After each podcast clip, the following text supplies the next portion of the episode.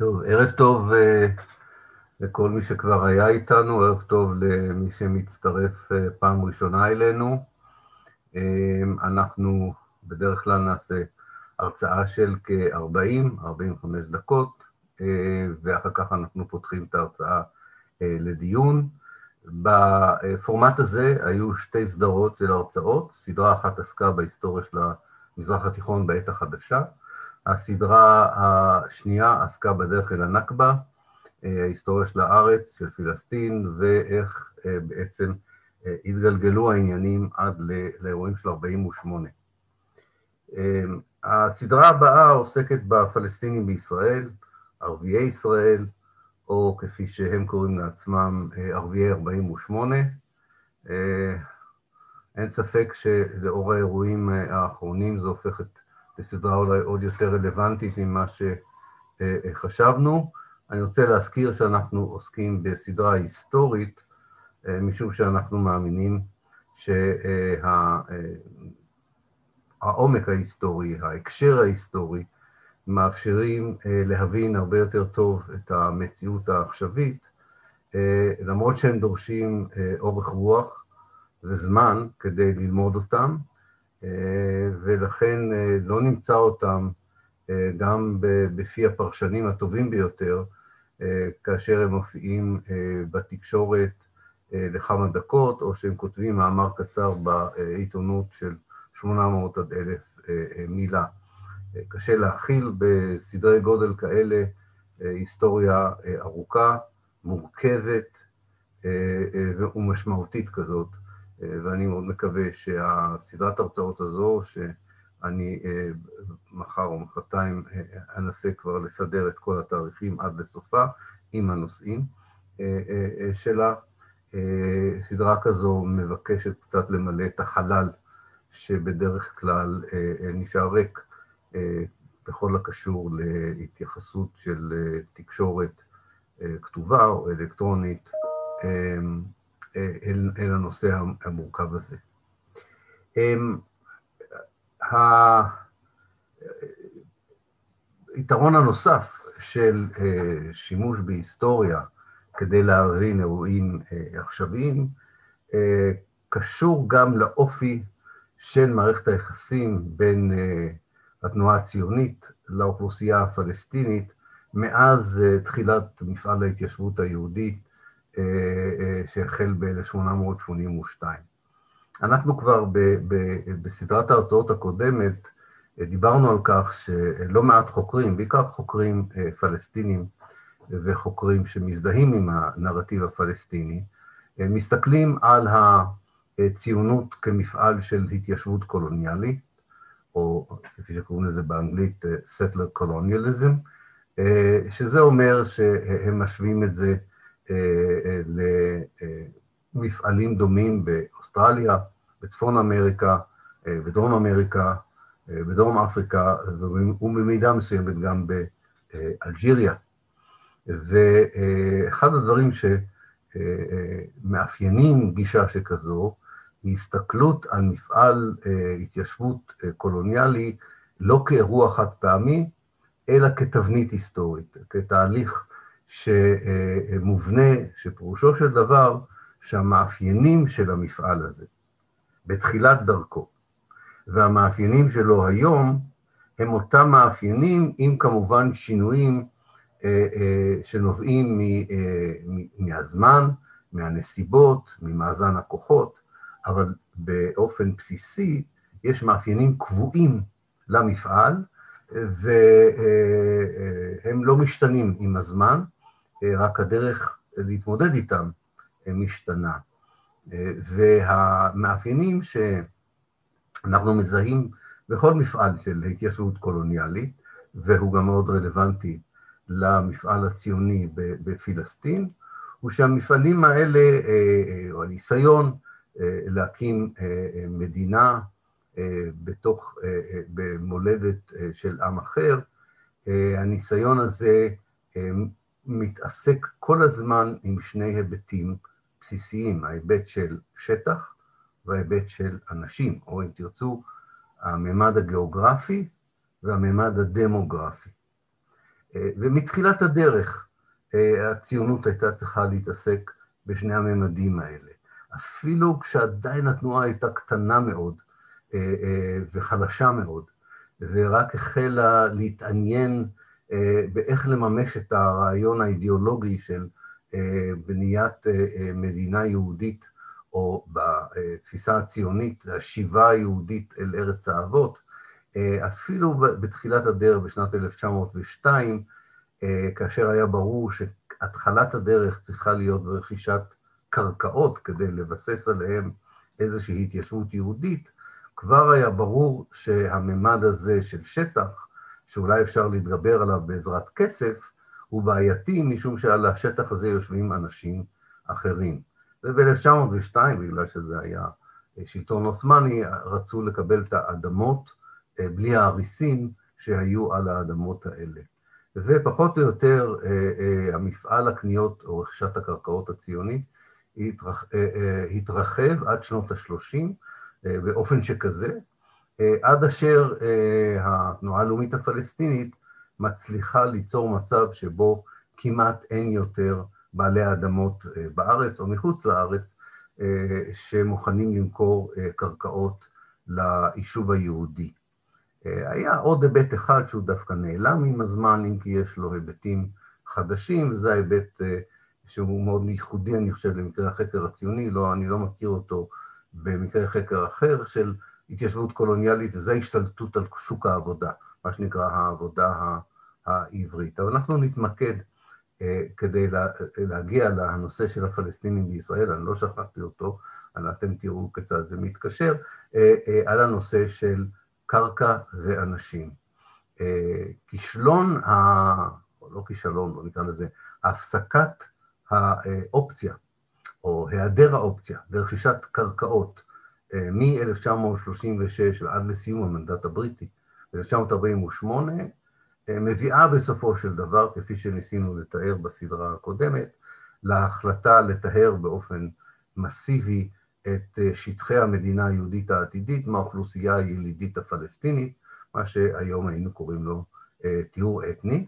עדיין בסוף 48' אין את כל השטח שהתנועה הציונית רוצה והיא חושבת שהוא חיוני כדי להקים עליו מדינה יהודית. יש רק 78% מהשטח של המדינה, של הארץ העתידית בידי המדינה החדשה. הממד הגיאוגרפי הזה, כמו שאתם יודעים, יושלם ב-1967, אבל גם אין, ובעיקר אין, פתרון מלא לבעיה הדמוגרפית. זאת אומרת, אין טיהור אתני מלא בסוף 1948. ומה שקורה מ-48' ועד היום, שכל תקופה היא מייצרת אתגר חדש לתנועה אידיאולוגית שרוצה שטח בלי אנשים מסוימים, והיא מטפלת בהתאם לנסיבות, בהתאם ליכולות, בהתאם לתגובות של הצד השני, לאזור שבו אנחנו חיים והמערכת הבינלאומית. ובמידה מסוימת, כאשר מדינת ישראל מסיימת את מלחמת 1948, פחות או יותר בחורף 48' ותחילת 1949, היא מוצאת, המדינה הצעירה מוצאת את עצמה עם שטח גדול, מתוך המולדת שהיא בעצמה שרטטה כמולדת העם היהודי, אבל בתוך השטח הזה יש עדיין מיעוט לא יהודי, מיעוט פלסטיני, מיעוט ערבי. בואו נאמר רגע משהו על המספרים בסוף 48', שזה רלוונטי. בדצמבר 1948 חיו בשטח שתחת שליטת מדינת ישראל וצה"ל כמאה אלף או מאה שמונה אלף ערבים או פלסטינים, יחד עם כמעט 700 אלף יהודים. בתהליך שאני עוד אתאר אותו, ישראל הסכימה ש-40 אלף מתוכם, 40 אלף מתוך 108 אלף, השתתפו בבחירות הראשונות הדמוקרטיות שהתרחשו במדינת ישראל בשנת 1949.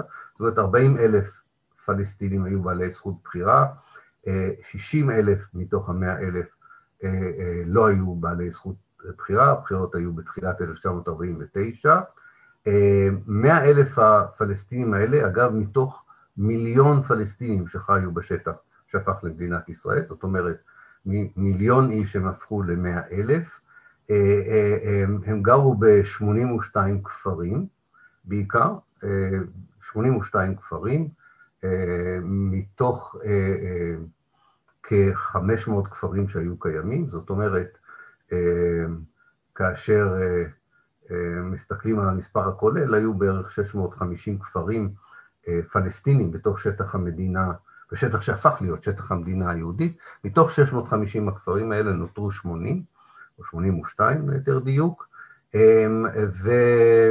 ומי שלא גר בכפר, וזה היה מיעוט, מיעוט קטן, נותר בערים, בעיקר בשלוש ערים, ברמלה, לוד ובעיר פלסטינית שהחזיקה מעמד עד 1950, מג'דל, שתושביה יסולקו ב-1950, ובמקומה תוקם העיר אשקלון.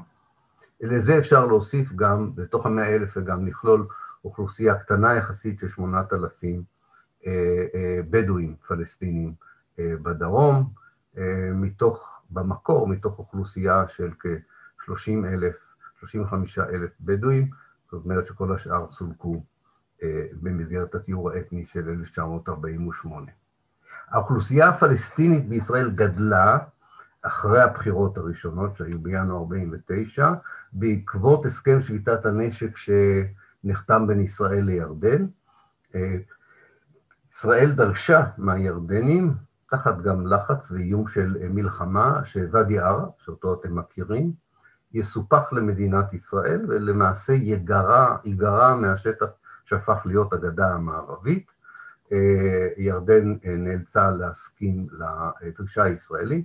הישראלים לא כל כך רצו את הכפרים בוואדי ערה, הם רצו בעיקר את הכביש בין עפולה לחדרה, אבל יחד עם הכביש לעפולה לחדרה, הם סיפחו עוד כ-60 אלף פלסטינים, ל-100 אלף הפלסטינים שכבר היו בתוך מדינת ישראל, וככה אנחנו מגיעים בסוף 1949 לאוכלוסייה של 160 אלף איש, מתוך כמיליון אזרחים יהודים, כי בינתיים נוספו גם אזרחים יהודים בעלייה גדולה, כמובן העלייה הזאת תגבר ב-1950, 51,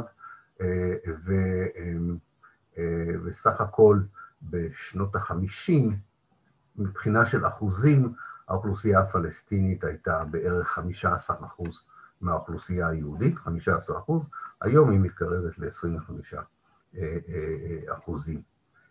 בתוך האוכלוסייה הזו של ה-160 אלף, כמעט 50 אלף איש היו פליטים פנימיים.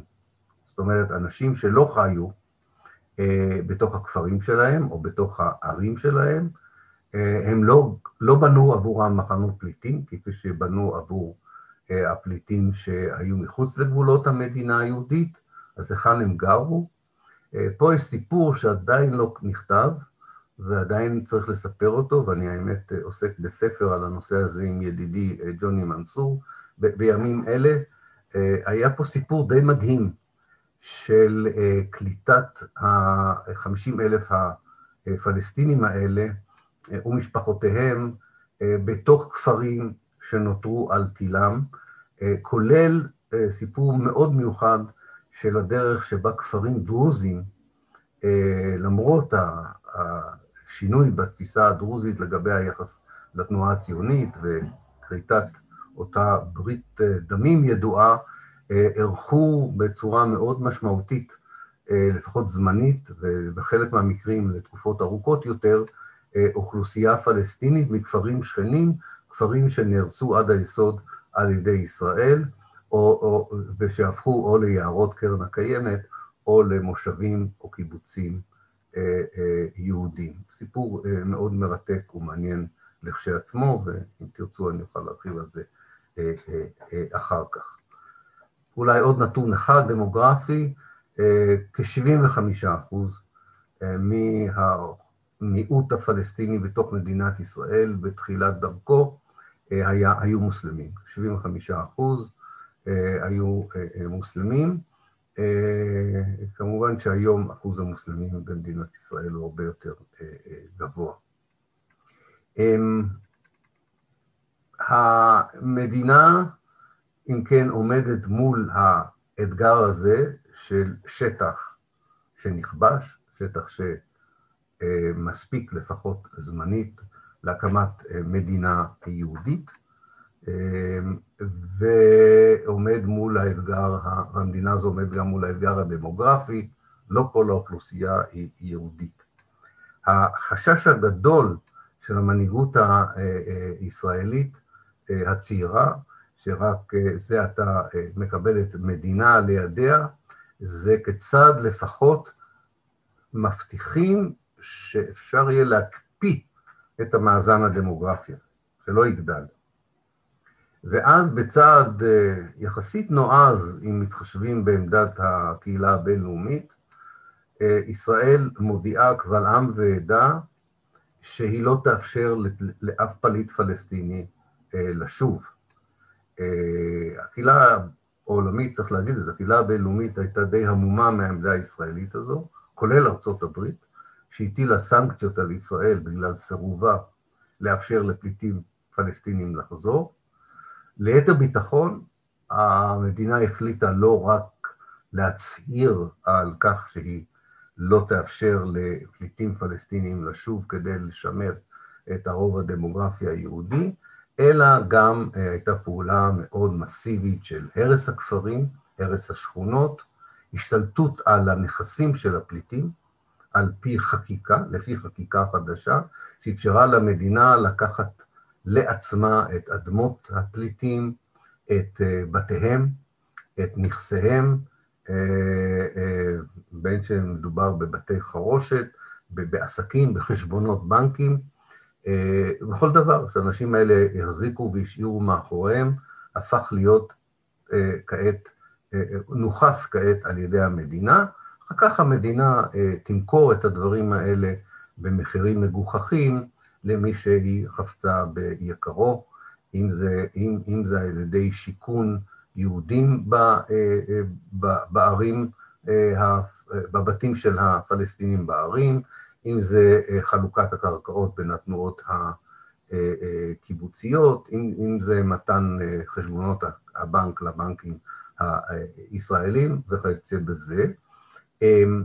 עוד פעולה שהממשלה נקטה כבר ב-49-1950, היא יצרה תקדים שאנחנו לדעתי, אם מדברים על מה שקורה עכשיו, זה אחת הסיבות להתפוצצות שאנחנו רואים לנגד עינינו, שזו מין אינתיפאדה שלישית שיש לה מרכז הפעם כובד גם בתוך מדינת ישראל, וזה הרעיון שלא יהיו כפרים פלסטינים חדשים, ובסופו של דבר ינסו להעביר את הפלסטינים למספר קטן ככל שאפשר של כפרים, אז ממשיכים להרוס כפרים גם ב-49', ומעבירים פלסטינים לכפרים שהיו רק בחלקם מאוכלסים. עכשיו, למה היו כפרים שהיו בחלקם מאוכלסים?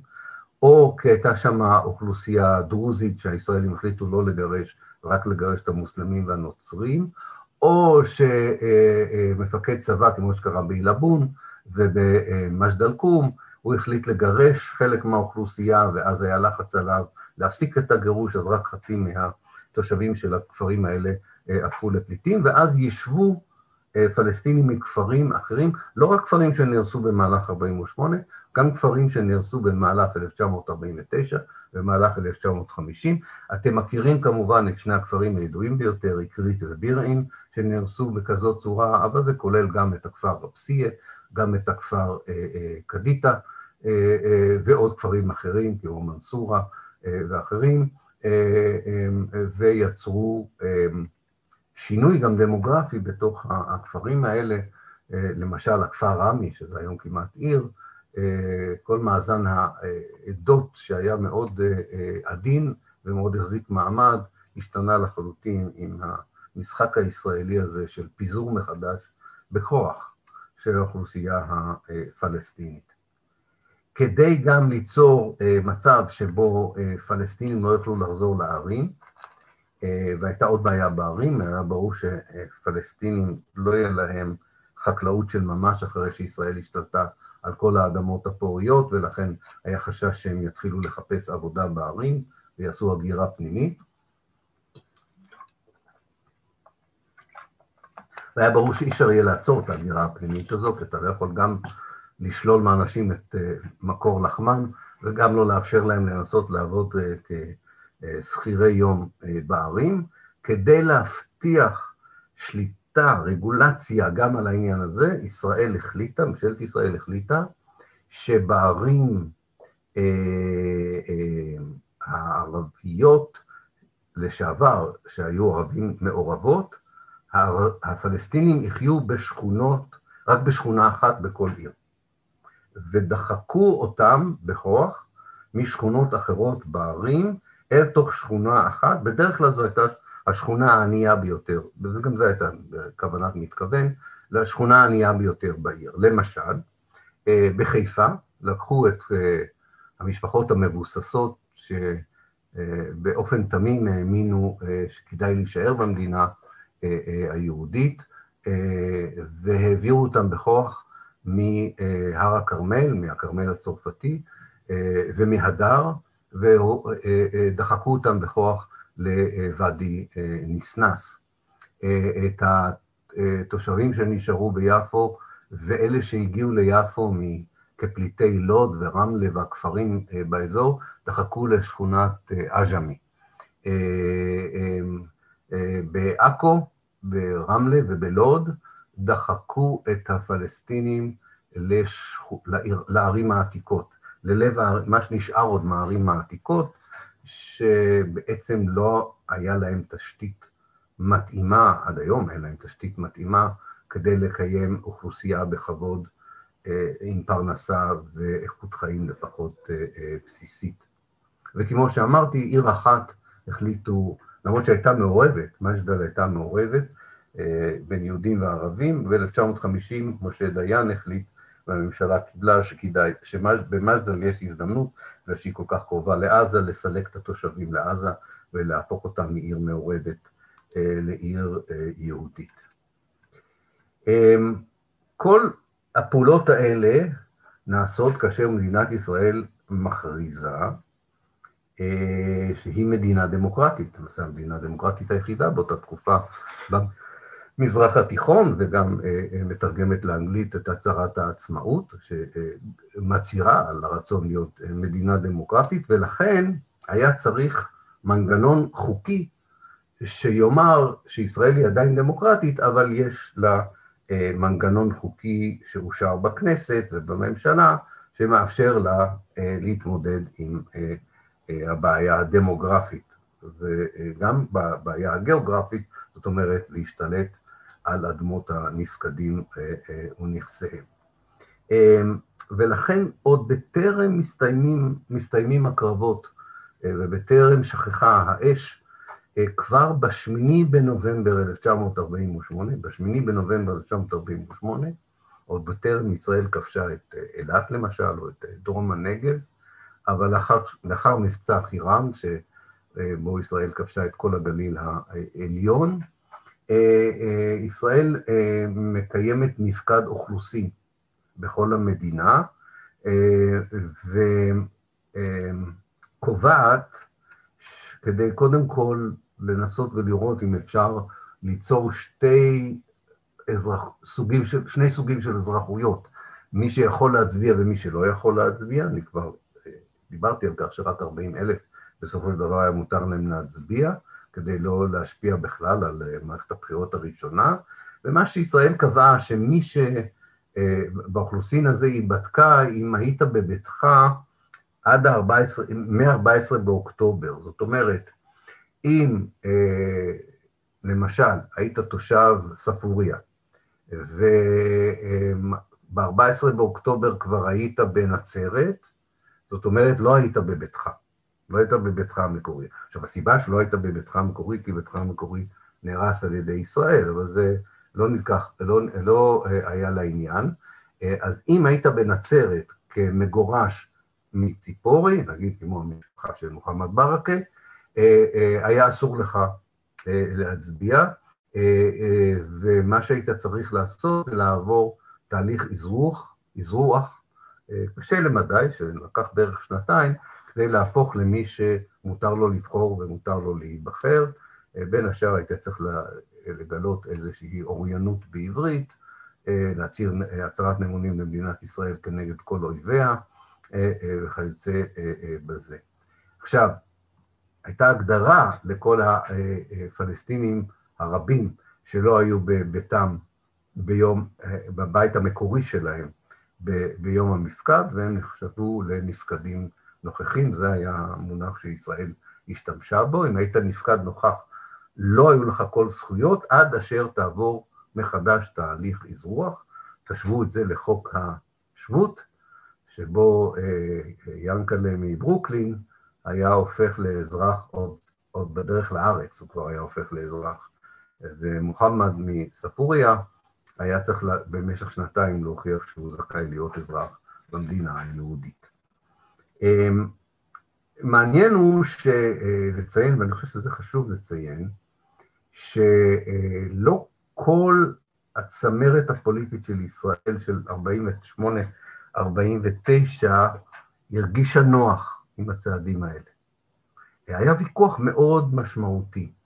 מי שהוביל את הוויכוח הזה היה משה שרת, שהיה שר החוץ, לימים הוא גם יהיה לתקופה קצרה, כמו שאתם יודעים, ראש הממשלה. זה מאוד מעניין, הוא עבר מטמורפוזה מאוד משמעותית ב-48. עד 48' הוא היה מנהיג ציוני רגיל לחלוטין עם הדעות הציוניות הבסיסיות, בכל מה שקשור לפלסטינים. הוא מתגלה כאישיות אחרת אחרי 48', ויחד עם בכור שטרית, שהיה שר המיעוטים, שבאופן אולי מפתיע לא רק שרי מפ"ם, אלא גם מנחם בגין, מנהיג חירות, הם יוצרים איזושהי קואליציה שאומרת, ישראל החדשה לא יכולה להפלות בין אזרחים ערבים ליהודים, לא יכולה להקים ממשל צבאי, לא יכולה אה, אה, ליצור מנגנונים שיפלו בין אה, האזרחים. אבל אה, בן גוריון שלט ביד רמה בפוליטיקה הישראלית, וכאשר הוא מגלה ש...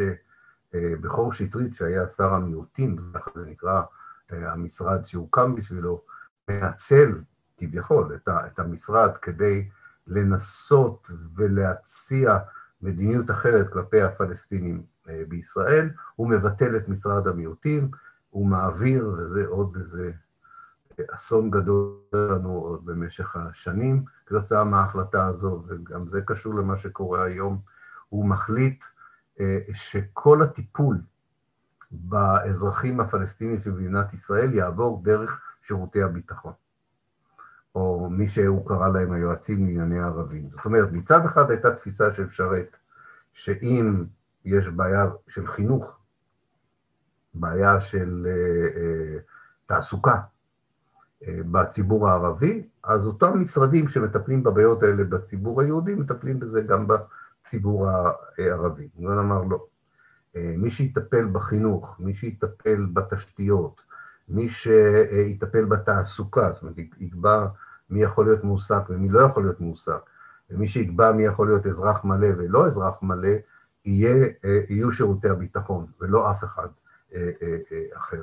זו הייתה החלטה נוראית, שאני חושב שאנחנו גם קוצרים את פירותיה הבאושים היום.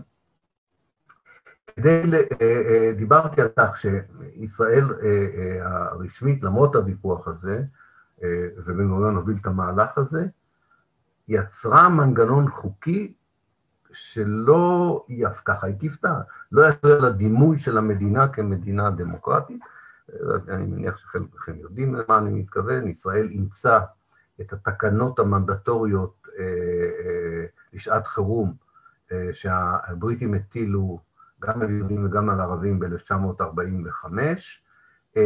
לכאורה, התקנות האלה הוטלו על שטחים ולא על אנשים, זאת אומרת, הוטלו על שטחים מסוימים, וכאילו כל מי שגר שם היה צריך להיות תחת המשטר החוקי החדש הזה, אבל בפועל זה הוטל רק על שטחים ערבים, ולכן בעצם אף יהודי לא היה תחת היד הכבדה של התקנות האלה.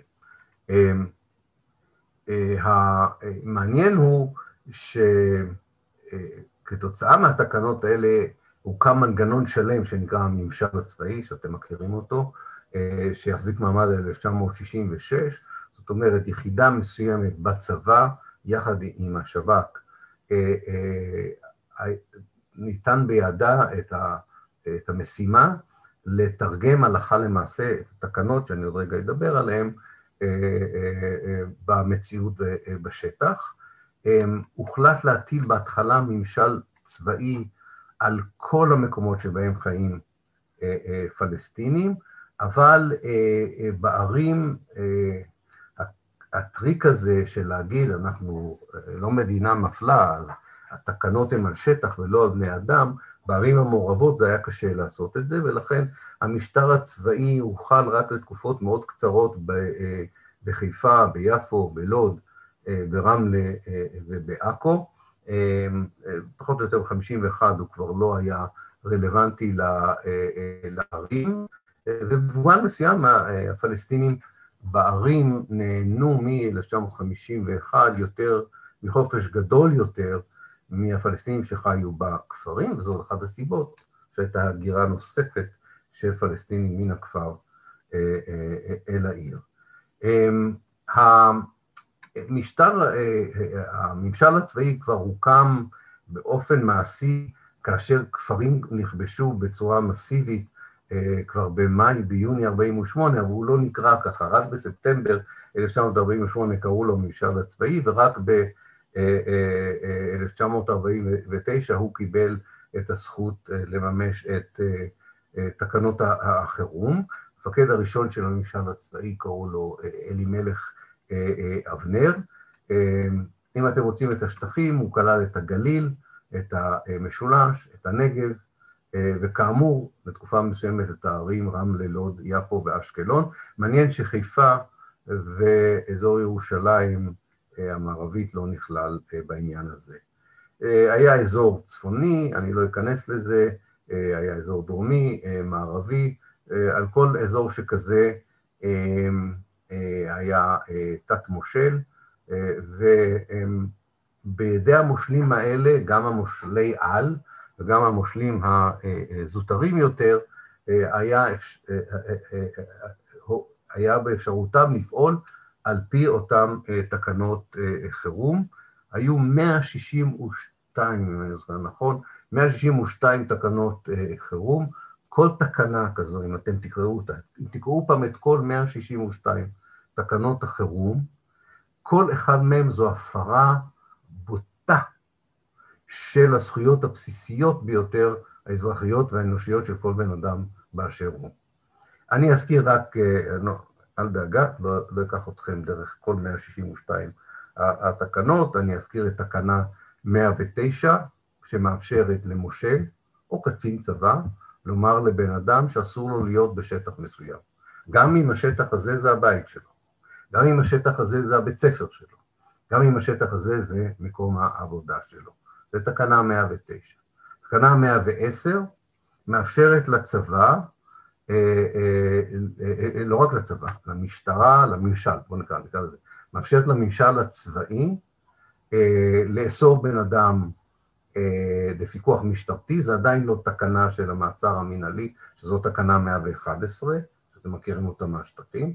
תקנה 110 היה לה טוויסט מיוחד לעניין הזה, אתה קודם מועמד למה שככה, לפי לשון החוק, היית מועמד לפיקוח משטרתי, והפיקוח המשטרתי נועד כדי לאפשר את הגלייתך, כדי להגלות בן אדם ממקום מגוריו הקבוע. לכמה זמן? כמה זמן שקצין המשטרה במקום יחליט.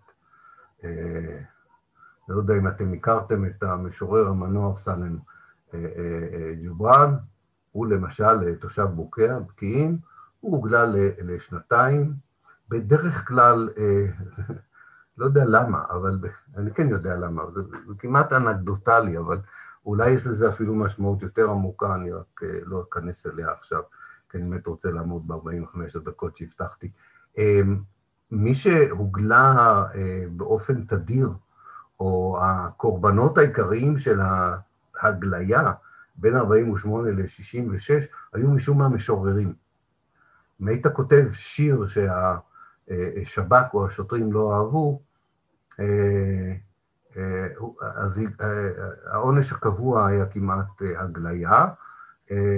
זה כלל גם משורר מאוד ידוע בחורפיש, משורר דרוזי שהיה חבר במפלגה קומוניסטית, לכן הוא כבר היה על הכוונת, הוא לא היה דרוזי רגיל מהבחינה הזו, שבאחד הימים קרא שיר מתוך ספר תהילים, שלא מצא חן בעיני המפקד המשטרה. כל, השיר כולו מבוסס על ספר תהילים, זה לא עזר לו, וגם הוא הוגלה מכפרו. תקנה 124 הייתה הטלת עוצר, באיזה זמן שהמפקד המקומי חושב שצריך. תבינו, אין שום פיקוח של הכנסת, אין פיקוח של בית משפט, אין שום יכולת ערעור, זה פשוט החלטה שרירותית. תקנה 125 היא הכרזה על שטח סגור, הגבלת התנועה אליה, אל השטח הזה ומתוכו, וזה רק חמש, חמש תקנות מתוך 162, ותאמינו לי, גם 157 התקנות האחרות, אותי לפחות מחרידות באותה מידה.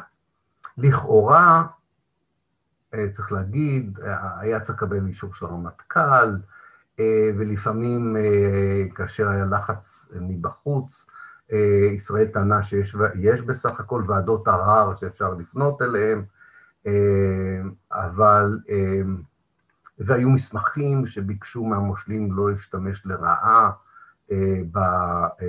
בכוח הזה.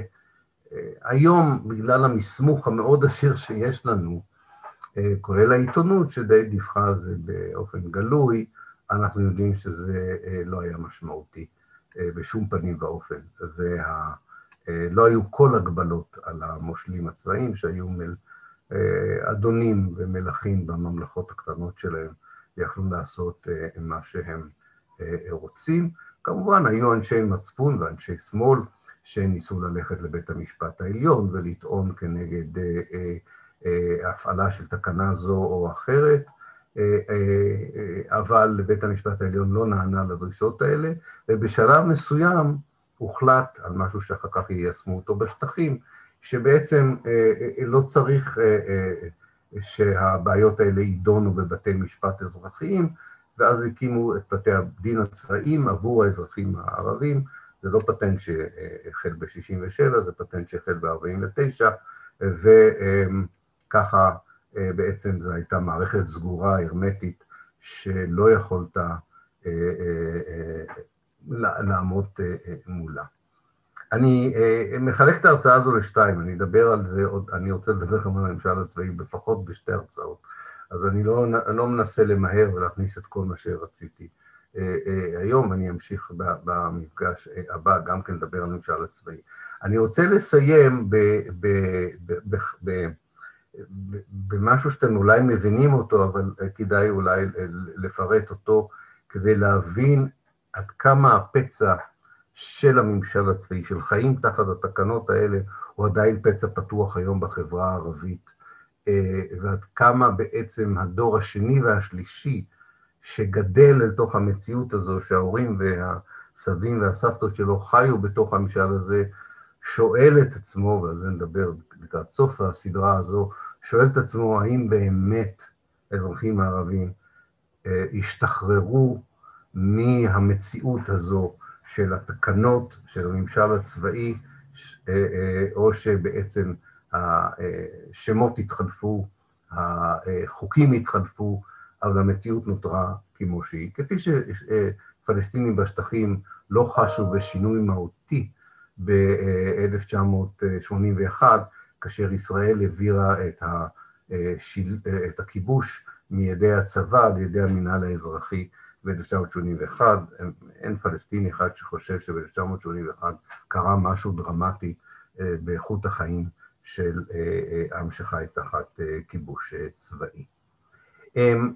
אנחנו יודעים שבאמת, אני רוצה להדגיש את זה, כי אולי דווקא היום יותר מתמיד צריך לומר שגם החברה היהודית לא הייתה מקשה אחת, וגם לא אנשים שהיו בשלטון או בממשלה הם מקשה אחת, וכאמור, אני כבר ציינתי את שרת ובכור שטרית, אנשים שביקשו קודם כל באופן בסיסי לקבוע איזושהי תפיסת עולם שלא תאפשר בכלל מציאות שכזו, אבל בתוך המציאות הזו, פה צריך להגיד שאנשי מפ"ם שבסך הכל השתתפו באופן פעיל בתיאור האתני ובעיקר השתוללו בכל מה שקשור לשוד הקרקעות הפלסטיני לאחר 48', מתחילים להצטייר כמי ש... צריך להגיד את זה, לפחות מביעים תמיכה בניסיון לשמור על איזה שהן זכויות בסיסיות של האוכלוסייה הפלסטינית הישראלית. הם כותבים הרבה, הם מעירים הרבה, הם לא עושים הרבה, כך אחת הדמויות שכותבת בלי סוף בעל המשמר על המציאות של הפלסטינים בישראל, ואני מוכרח להגיד כהיסטוריון, גם הארכיון האישי שלו וגם הכתבות שלו בעל המשמר הם מקור בלתי נדלה כדי לשרטט מחדש כהיסטוריון את החיים תחת המציאות של הממשל הצבאי, הוא יוסף ושיץ, בעצם ראש המחלקה הערבית של מפ"ם. אז מצד אחד, בכובע אחד הוא מגייס ערבים להצביע עבור חברי הכנסת של מפ"ם, צריך לזכור, מפ"ם ב-49 זו המפלגה השנייה בגודלה. מצד שני, הוא מדווח כעיתונאי על מציאות שבעצם הוא שייך לממשלה שמתחזקת אותה, אתם מכירים את זה גם במקומות אחרים, אני מניח. אז ככה הוא כותב על, על, על אחרי שנה אחת של קיום הממשל הצבאי, את רשמיו מאיזה סיור שהוא עשה, הוא כותב, חופש התנועה מוגבל באופן חמור.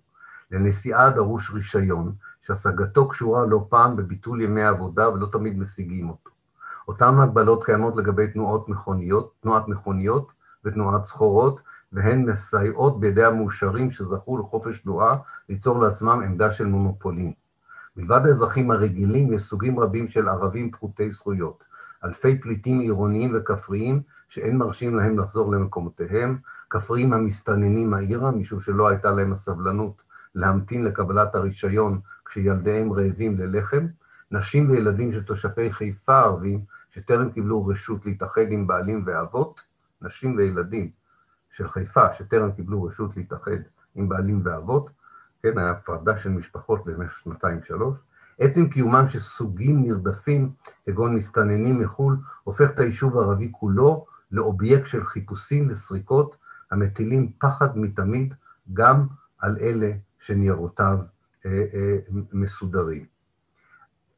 לפני שאני אסיים, עוד אדם, שגם כן, יש אישיות שנויה מאוד בכל מה שקשור ליחס לפלסטינים בישראל, נתן אלתרמן, כשזה הגיע ליחס הבסיסי לפלסטינים בישראל בשנים האלה, לא פחות מאנשי השמאל, הוא הרגיש נבוך, ובטור השביעי שלו ניסה לעורר דעת קהל כנגד הממשל הצבאי, ואני אסיים אולי בשיר שהוא כתב, כאשר אחת הסריקות ב-1950, אני לא טועה, זה היה בוואדי עארה, אחת הסריקות האכזריות ביותר שהממשל הצבאי עשה, כולם היו אכזריות למדי, אבל הם הותירו, הרס, זה היה פוגרום, כשהתירוץ היה שחיפשו אחרי פעילים פוליטיים. והוא כתב כך, ובזה אני אסיים את החלק הזה של ההרצאה, ואנחנו נפתח את זה לדיון, ואני בהרצאה הבאה אמשיך את הנושא הזה, שאני ידעתי מראש, אנחנו לא נספיק לעשות אותו בהרצאה אחת. וכך כותב נתן אלתרמן: דבר הממשל תקיף בלי חת. צורכי ביטחון הם, ותם הוויכוח, נעקרו האנשים, הנשים מן הטף בכת, ועכשיו המצב כבר יותר בטוח. הייתה שם הפרדה בכוח של נשים, לקחו את התינוקות מהידיים של הנשים בזמן הסריקה. טוב לראות שהחוק הוא ברזל ולא גבב, ויש יד חזקה וסגנון של פלד. האומר כל תלונות נא למסור בכתב, גם בדבר העיוור שגורש עם הילד. אין ריכוך ורפיון, ידידי התמים, איך למדנו את זאת בשנתיים ימים. איך הצבענו אל סדר היום לעבור, איך למדת זאת, סיר אספה מכוננת, יהודי מזייף דרכיות מדור דור, מסתנן בן בנה של מסתננת. אין בונים מדינה בכפפות לבנות, לא תמיד המלאכה נקייה ויפת נפש. אמנם כן, אך דומה כי באלו מנות נוהגים אנו לוקסוס קטן של רפש. מין בזבוז פזרנות נטולת מניעה, ואנחנו סוף סוף מדינה ענייה. אה, אה, הקטעים האלה, שרק עכשיו אנחנו מגלים, אני חושב, מספיק מתיאורים וגם דרך היסטוריה בעל פה, של אה, שעתיים, שלוש, לפחות ארבע שעות, של טרור שמשליטים בתואנה של סריקה, עם תיאורים מזוויעים של, של פוגרום ופגיעה בנשים ובילדים, כמובן לא תמיד הגיעו לעיתונות. בן גוריון, צריך לומר את זה, קרא ב, די באדישות את כל הדוחות האלה. זה לא גרם לו לרגע אחד להפסיק את הממשל הצבאי, להפך, גם כאשר אפילו השב"כ ועל זה נדבר בפגישה הבאה, אפילו שהשב"כ אמר ב-1959 בדוח מאוד ידוע, שהשב"כ קבע שאין צורך יותר בממשל הצבאי. אה, זה גם היה אחרי הזעזוע של טבח כפר קאסם ב-1956, ועוד נדבר עליו. גם אז בן גוריון קרא את דוח השב"כ שלו, שאמר שאין צורך, והחליט שיש עדיין צורך להמשיך את הממשל הצבאי, ואולי מאחר ויש לי עוד איזה דקה ל-45, אני אקרא גם אה, אה, אה, תיאור של סברי אה, ג'יריס, לא יודע כמה מכם מכירים את השם, סברי ג'יריס. ב-1966 הספיק לו, אה, הספיקו לו החיים תחת אה, השלטון של הממשל הישראלי, וכמו מחמוד דרוויש אה, הוא עבר ללבנון והצטרף אה, לאש"ף. סברי ג'יריס ניהל את הארכיון הפלסטיני המון המון שנים, חזר לארץ, אה, אחרי הסכם אוסלו, אה, ניסה קצת לעבוד בגבעת חביבה, זה לא ממש הלך, אה, והיום הוא כותב את ספר זיכרונותיו. ובתוך ספר הזיכרונות הוא מדבר בעיקר, ובזה אני אסיים, על הנושא של הרישיונות. אני רק רוצה לחז... להסביר את זה שוב, כי זה חשוב. אף פלסטיני עד לפחות 1960 לא יכול היה לעזוב את השכונה שלו, את הכפר שלו, מבלי לקבל רישיון, לא משנה למה. בין שזה אה, עניין של הצלת חיים כדי להגיע לבית חולים, בין שזה לעבור לעבודה, בין שזה לבקר קרוב משפחה. רק בעלי רישיונות היה מותר להם אה, לנוע, גם היית צריך לשלם בשביל הרישיונות האלה, אה, וכמובן, אם המושל אה, רצה להפעיל עליך לחץ, הוא לא היה נותן לך רישיון, או שהיה דורש אה, שתהיה משת"פ כדי לקבל את הרישיונות.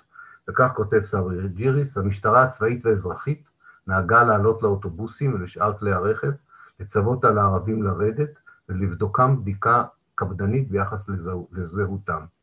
כל אלה שנתפסו ללא רישיון יציאה מאזורם הסגור מטעם המושל הצבאי, הובלו למעצר והועמדו למשפט בפני בתי אה, דין אה, צבאיים.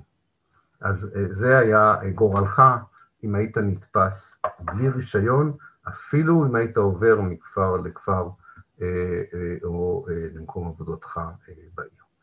אמ, אני שונא לסיים בדברים קשים, אז כדי שלא תהיו במתח, אני אגיד לכם שב-1966 הממשל הצבאי בוטל. אז אולי בזה אני אסיים, ואני רוצה עדיין לדבר על היבטים נוספים שלו. אה, ובעיקר על התקופה 1959-1966, תקופה שלא יודעים עליה הרבה, אבל מאוד מאוד משמעותית בהיסטוריה של הפלסטינים בישראל, עם אה, השלכות מאוד ברורות למה שאנחנו רואים אה, אל מול עינינו היום. אז אני אעצור כאן ואשמח מאוד לשמוע את הערותכם והערותכן, ולשמוע את שאלותיכם ושאלותיכן. אז תודה רבה על תשומת הלב. אוקיי.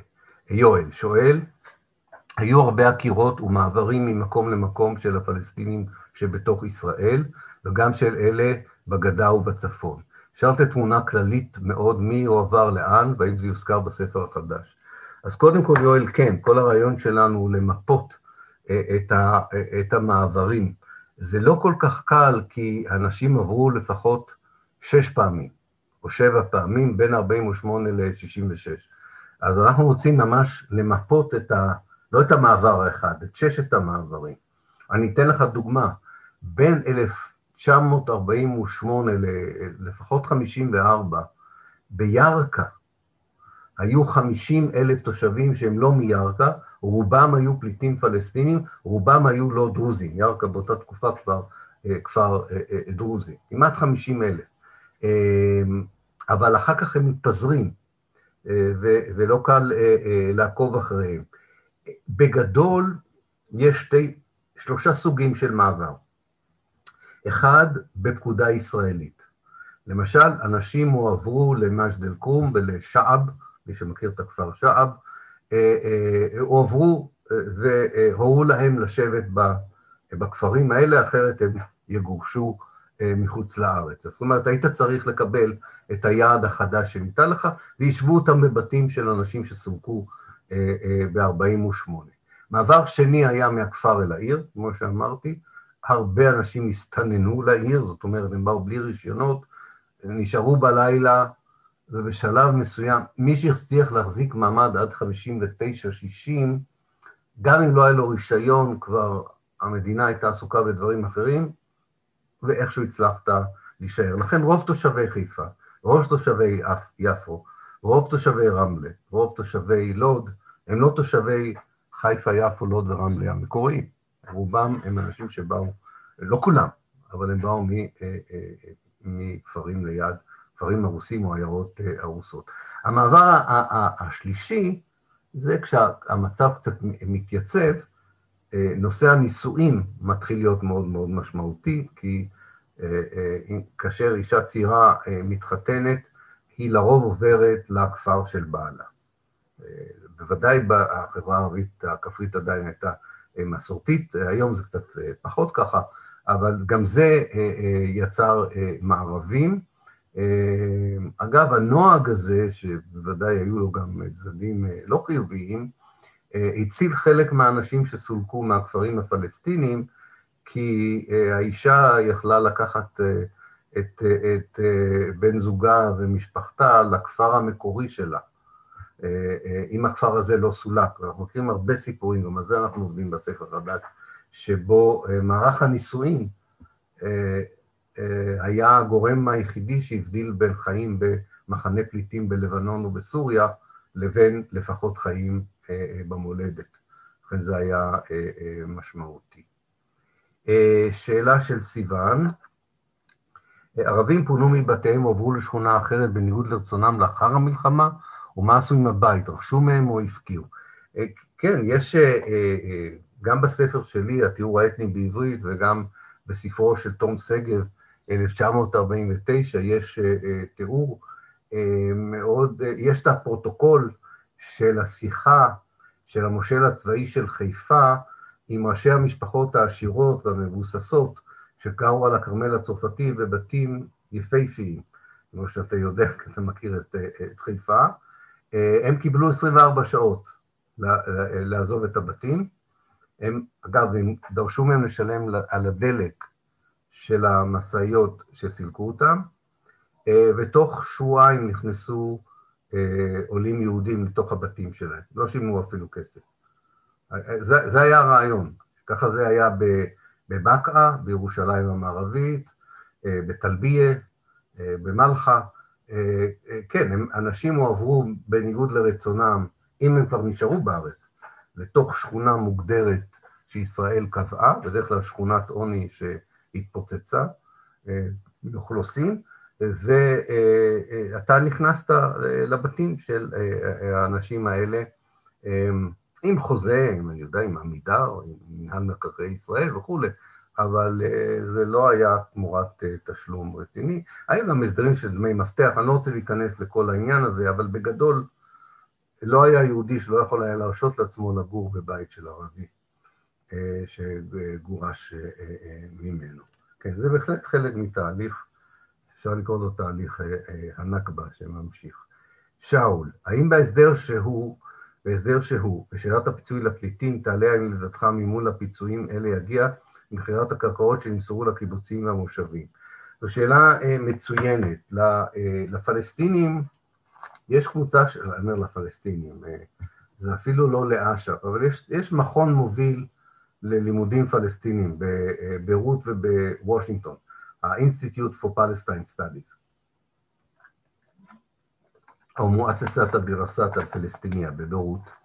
הם הזמינו במשך השנים קודם כל הערכה של שווי הרכוש שנלקח מהפלסטינים. זאת אומרת, יש, יש מסמך די מפורט של בכמה כסף מדובר, במונחים של, של היום, במונחים של היום. כמו שישראל ו, וגרמניה עסקו בזה די הרבה זמן, בין 1952 עד 1962, כן, שאלת הפיצויים. הם כוללים את שווי הקרקעות. אני לא חושב שהם יודעים כמה וכמה עלו הקרקעות לקיבוצים, כי כמעט לא עלו כלום לקיבוצים. אז בסופו של דבר, כן, אני חושב שהתביעה הפלסטינית תכלול גם את העניין הזה, אלא אם כן, וזה מאוד מורכב ומסובך, זה שייך אולי להרצאה אחרת. כל שאלת זכות השיבה בנויה על איזה איזון בין פיצוי לשיבה. זאת אומרת, ככל שהשיבה יותר מהותית, יותר אמיתית, יותר מובטחת, דרישת הפיצוי יורדת. כי הפיצוי האמיתי זה לחזור, לפחות בתפיסה הפלסטינית, לשוב לארץ. יש כאלה שבוודאי יגידו, אני לא אשוב, אז לפחות אני רוצה פיצוי כספי על העניין הזה. כי גם החלטת האו"ם שתומכת בשיבת הפליטים, החלטה 194, מ-11 לנובמבר 1948, קובעת שהפליטים יכולים בעצמם להחליט אם הם רוצים לשוב או להיות אה, אה, מפוצים. איתמר משהו על הבעיות שלו? סידרת את זה אבל, בסדר, אוקיי. אה, אה, שדי, בבקשה להתייחס לפלוגות שתקפו את מה שנקרא מסתננים, על הרכב אותן פלוגות שתנהלו ציד כלפי הפלסטינים שניסו לחזור לבתיהם. כן, שדי, אתה מדבר באמת על תופעה שרציתי, שדי, כן, מדבר על תופעה שרציתי לדבר עליה בפגישה הבאה יותר, אבל אני, אני אומר על זה משהו. אחד התופעות שקרו בגליל בעיקר, אבל לא רק בגליל, היו בעצם שני מסלולים, אחד עבר דרך בס, בסה, שזה היום שלומי, דרך שלומי לאורך החוף לבנון, הפלסטינים קראו לזה שביל הבריחה, והיה שביל בריחה נוסף שעבר דרך חורפיש לעבר צד אחר של, של דרום לבנון. אז על הציר הזה הישראלים תיעלו בין החודשים מאי לאוקטובר 48' את דחיפת הפליטים של הצפון לעבר לבנון וסוריה. בניגוד למה שקרה בדרום. בדרום ישראל יצרה את רצועת עזה, לכן רצועת עזה, תראו אותה כקווים ישרים, ישראל יצרה את רצועת עזה, עזה כדי שתהיה מקלט של, לא מקלט, אלא מקלט, של הפליטים שישראל דחפה מהקו של, מיפו ודרומה, 250 אלף איש, היא דחפה אותם לתוך עזה ויצרה את, ה, את עזה כמחנה פליטים עצום. לא עשו כזה דבר בצפון, אז הרחיקו אותה. עכשיו, למה אני, איך זה מתקשר לשאלה? באותו מסלול, מתחילת 49' עד 1952, מנסים פליטים לחזור ולהתאחד עם משפחותיהם. חלק מצליח, חלק מצליח, יש מספיק תושבים בחיפה שיספרו לכם כיצד כילדים ההורים שלהם יחזירו אותם בלילה. חלק נורו על ידי משמר הגבול, זה היה עושה מערבים בוודיות, שקישרו, ששביל הבריחה ושביל החזרה, זה אותו שביל, עבר דרכם, יש הרבה סיפורים על העניין הזה. שם זה היה משמר הגבול. אני חושב שיש, את התופעה השנייה שאתה מדבר עליה, זה התופעה כבר לא של לשוב, זה הניסיון של פליטים פלסטינים בגדה ובעזה לנסות לקטוף את היבול שהם השאירו, לנסות ולהחזיר את הצאן ואת הבקר אה, ואת כל מה שעוד אפשר היה לקחת אה, אה, אל תוך מחנה הפליטים שהם מצאו את עצמו בהם ב-48'. ישראל הקימה יחידה מיוחדת, אחר כך זו הייתה יחידה 101, לפני זה היה לה שם אחר, שקיבלה הוראות לירות באנשים הללו, גם תיארו אותם כטרוריסטים, כדי למנוע את הניסיון שלהם להשיב לעצמם לפחות חלק מרכושם. אולי אנחנו גם נדבר על זה קצת יותר בפגישה הבאה. שאלה מנועה דרך איתמר, על פי מה אושר ל-40 אלף להצביע ולאחרים לא? נדמה לי שאמרתי את זה, אז אני אחזור, אולי לא אמרתי את זה בצורה ברורה.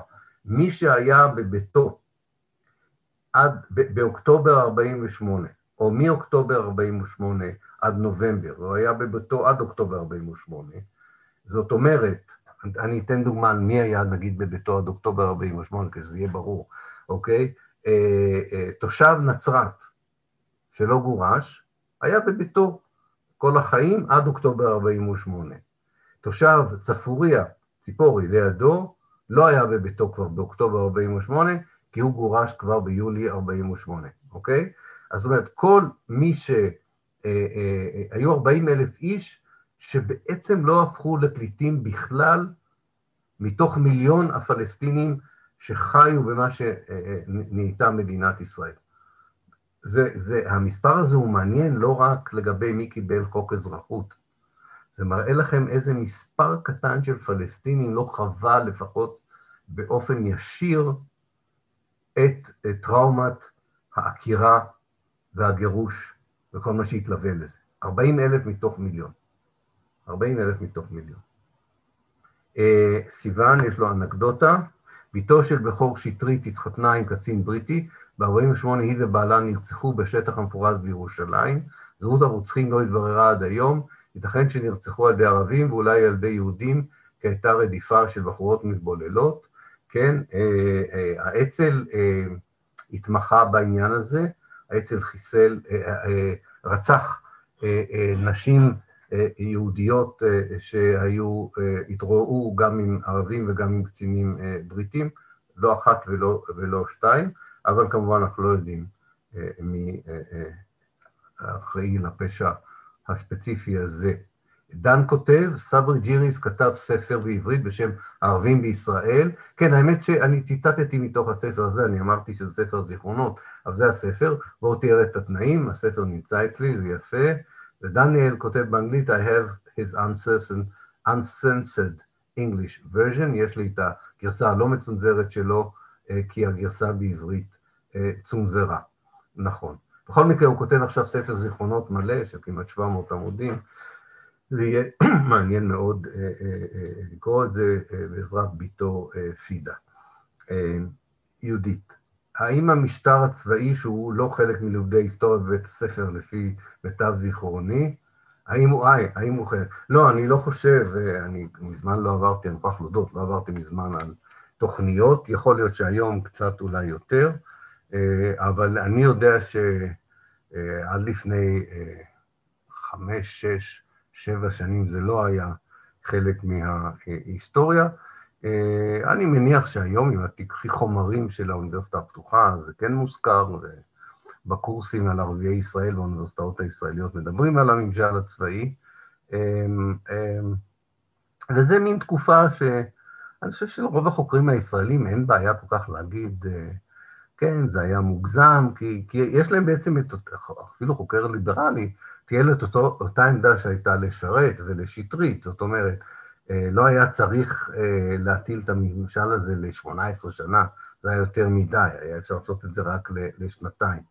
לא תשמעי אה, ביקורת על השוד הגדול שהתלווה לממשל הזה. כן, כן, כן יסכימו שהייתה פה התנהגות לא ראויה, גם אף אחד, לפי מיטב ידיעתי, מעט מאוד מהחוקרים והמלמדים הישראלים מבינים שב-67' העבירו בדיוק את אותו מבנה והטילו אותו על הפלסטינים בשטחים, מה שמחזק את כל התיאוריה הזו של מפעל קולוניאלי התיישבותי שיש לו תבנית, structure, והוא לא אירוע חד פעמי. דניאל, אני אקרא את זה באנגלית, אחרי זה אני אתרגם. And, there, and that relates to my question. If there is any chance that the full version will be published in Hebrew, I did not know he was still alive. כן, הוא עדיין חי, חי וקיים, דניאל. אה, יכול להיות, אפשר לדבר איתו, אבל אני מניח שיש אה, היום בתי הוצאה אה, פרטיים שמוציאים ספרים שכאלה, כך שאני מניח שזה יהיה אפשרי, אבל צריך לבדוק את זה. אה, שלמה, הערה ביחס למועד ביטול הממשל הצבאי. הבנתי כי למרות שההחלטה התקבלה בסוף 1966, הביטול בפועל לקח זמן, וסמכויות שונות שלו הועברו בהדרגה לאלופי הפיקודים, כך שבפועל אפשר להתייחס עם הכיבוש ביוני 1967 לרצף של ממשל ישראלי צבאי לסוגיו מאז 1948, זה בוודאי נכון. אה, אה, תהליך שכזה, א', לוקח זמן, מיום ההצהרה על הביטול עד ליום שהוא באמת מתבטל עובר זמן, מה שלחץ עליהם לסיים את המהלך, הם היו זקוקים לכל אה, כוח האדם שניהל את הממשל הצבאי בישראל, כדי להפעיל אותו בגדה המערבית לרצועת עזה, החל בערך מה-8 9 ביוני 1967. כל עוד היה, אה, אה, אי אפשר היה להפעיל אותם בתוך השטחים, עדיין הם היו נוכחים בתוך אה, אה, מדינת אה, ישראל. ובאמת כבר ב-1963, מאחר ורוב אנשי הצבא, וכולל אנשי הממשל הצבאי עצמם, כמו מפקד הממשל הצבאי ב-63, מיכאל שחם, כמו שקראו לו, מישאל שחם, הם, הם אמרו, עכשיו צריך לשאת את עינינו לעבר הגדה המערבית ורצועת עזה, והם דגלו בהמשך הממשל הצבאי לא מהנימוקים של בן גוריון. בן גוריון טען, הערבים הם עדיין בוגדים בפוטנציה, הם גיס חמישי, הם סיכון ביטחוני, לכן אסור לבטל את הממשל הצבאי. הם ביקשו שהממשל הצבאי ימשיך לעבוד, כי הם אה, אה, אה, הבינו שעוד מעט תגיע שעת כושר להרחבת השטח, וכשמרחיבים את השטח, כמו שאמרנו, יש יותר דמוגרפיה, יש בעיה דמוגרפית חדשה, ולכן הם רצו ש... המנגנון הזה יהיה מושמש ויהיה קל מאוד אה, להשמיש אותו מחדש אה, אה, בתוך השטחים. זה כבר קורה ב-1963 בתוכנית שנקראת תוכנית שחם, ועליה עוד נדבר, אני מקווה. יהודית, האם עצם קיום הממשל הצבאי הניח כמו אבן יסוד לגזענות היהודית כלפי הפלסטינים, אזרחי ישראל, למרות שלא לימדו אותנו על זה בבית, בבית הספר למיטב זיכרוני, אתה יכול להגיד אולי משהו על הפער בתודעה בין יהודים פלסטינים אזרחי ישראל כלפי הממשל הצבאי. אז יש כמה דברים שחלקם אני אפרט בפגישה הבאה. אה, אנחנו נדבר בפגישה הבאה על ספר שנקרא המושל המכוער, אה, שכתב אחד המושלים הצבאיים עם נטיפות מצפון. אה, והוא בהחלט מתאר את הגזענות כלפי הערבים כבסיס היחס של המושלים הצבאיים, כולל של עצמו. הוא מכה על חטא, כן, הוא בעצמו היה אה, אה, אה, מושל. אנחנו נדבר על הספר הזה, ספר מאוד מעניין, והוא בהחלט מגלה את, ה, את, ה, את, ה, את העניין הזה. כן, אני מניח ש, ש, שזה בהחלט יוצר תשתית שאחר כך מעובה כתוצאה מהיחס לפלסטינים בשטחים, זאת אומרת, זה דה-הומניזציה שמתחילה בתיאור האתני ב-48', אולי יש לה אפילו שורשים קודמים.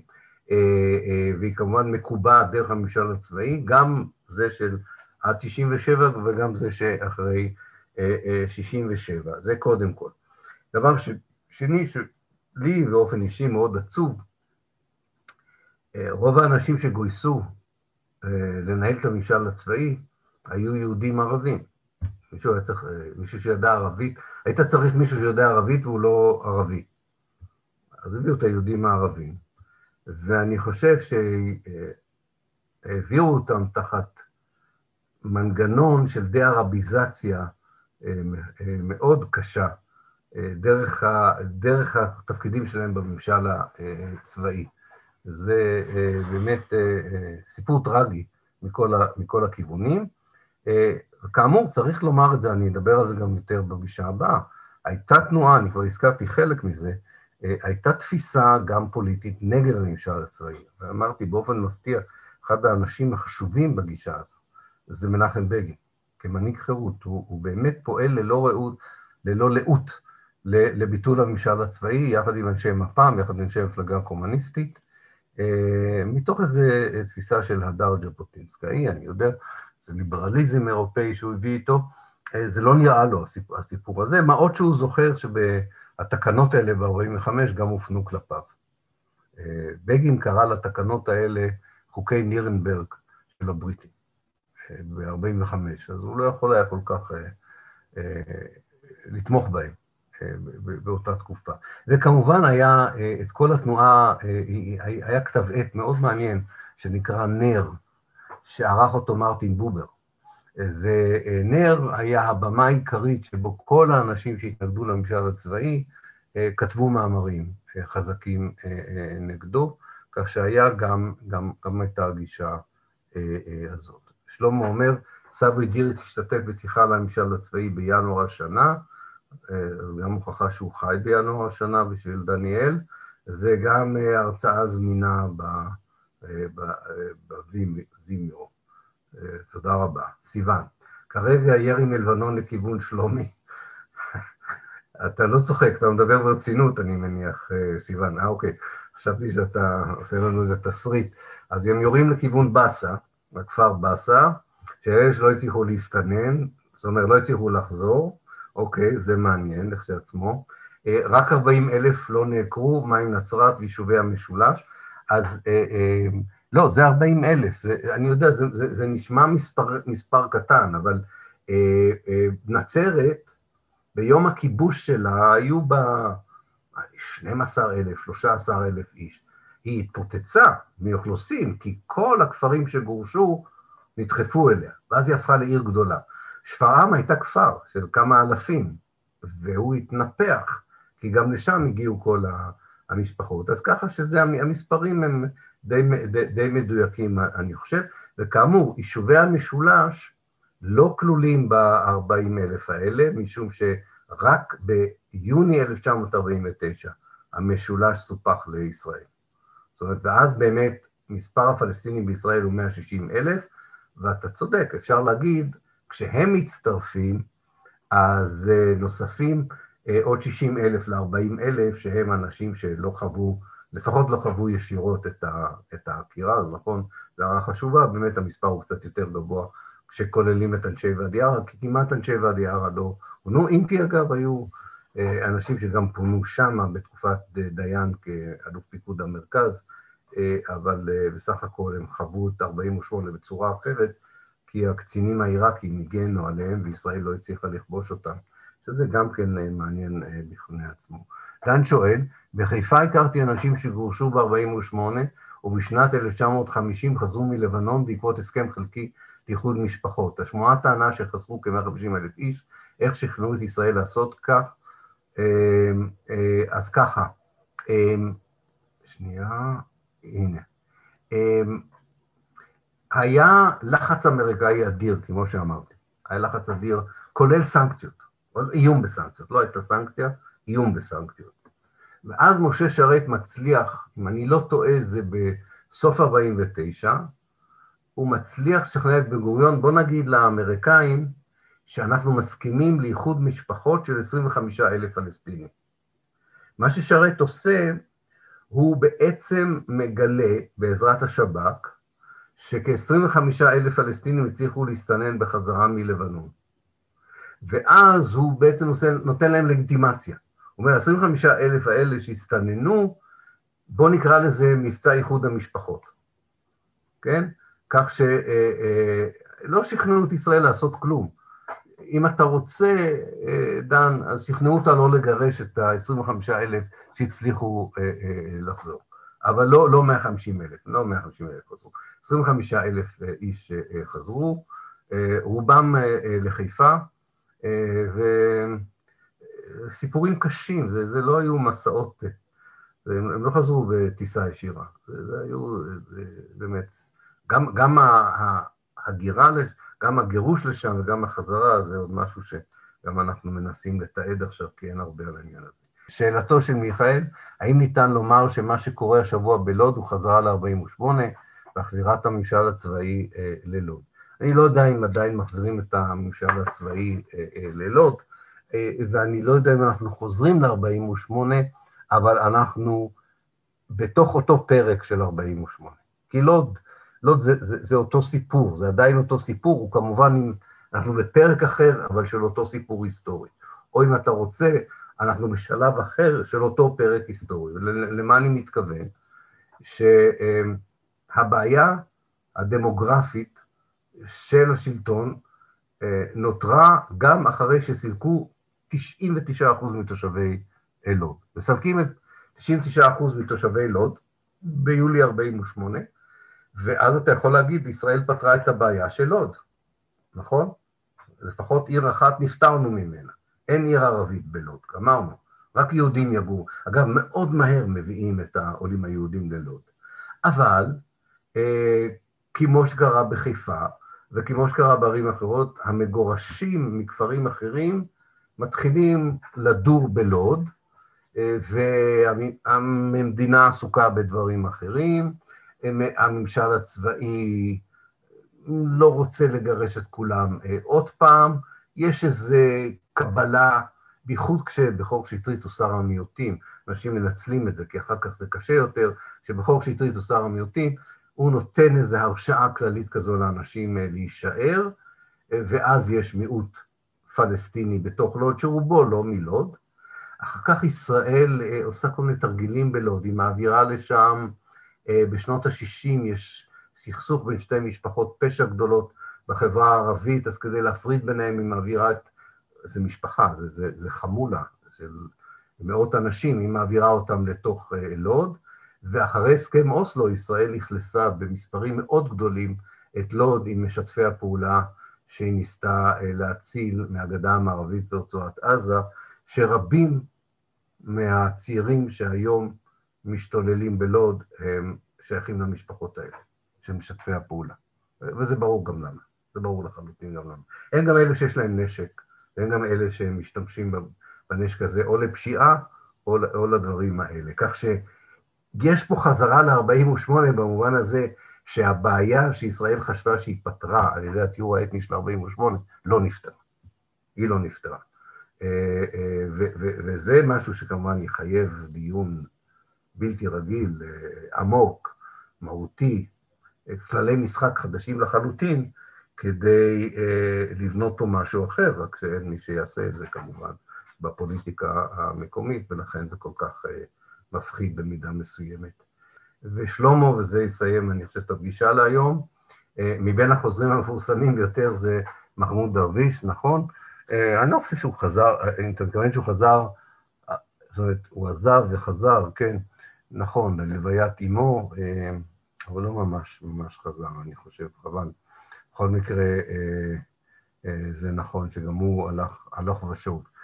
כן, אימת שקור, יש כמה פלסטינים שב-1966 קיבלו החלטה אסטרטגית שהם רוצים להיות חלק מהמאבק הפלסטיני וצריך לעשות את זה בלבנון, כי אי אפשר לעשות את זה מתוך הארץ. חלק מהם אחרי אוסלו חשבו שהנה, המאבק הזה הצליח, הם יכולים לחזור, ואני לא יודע מה הם מרגישים היום.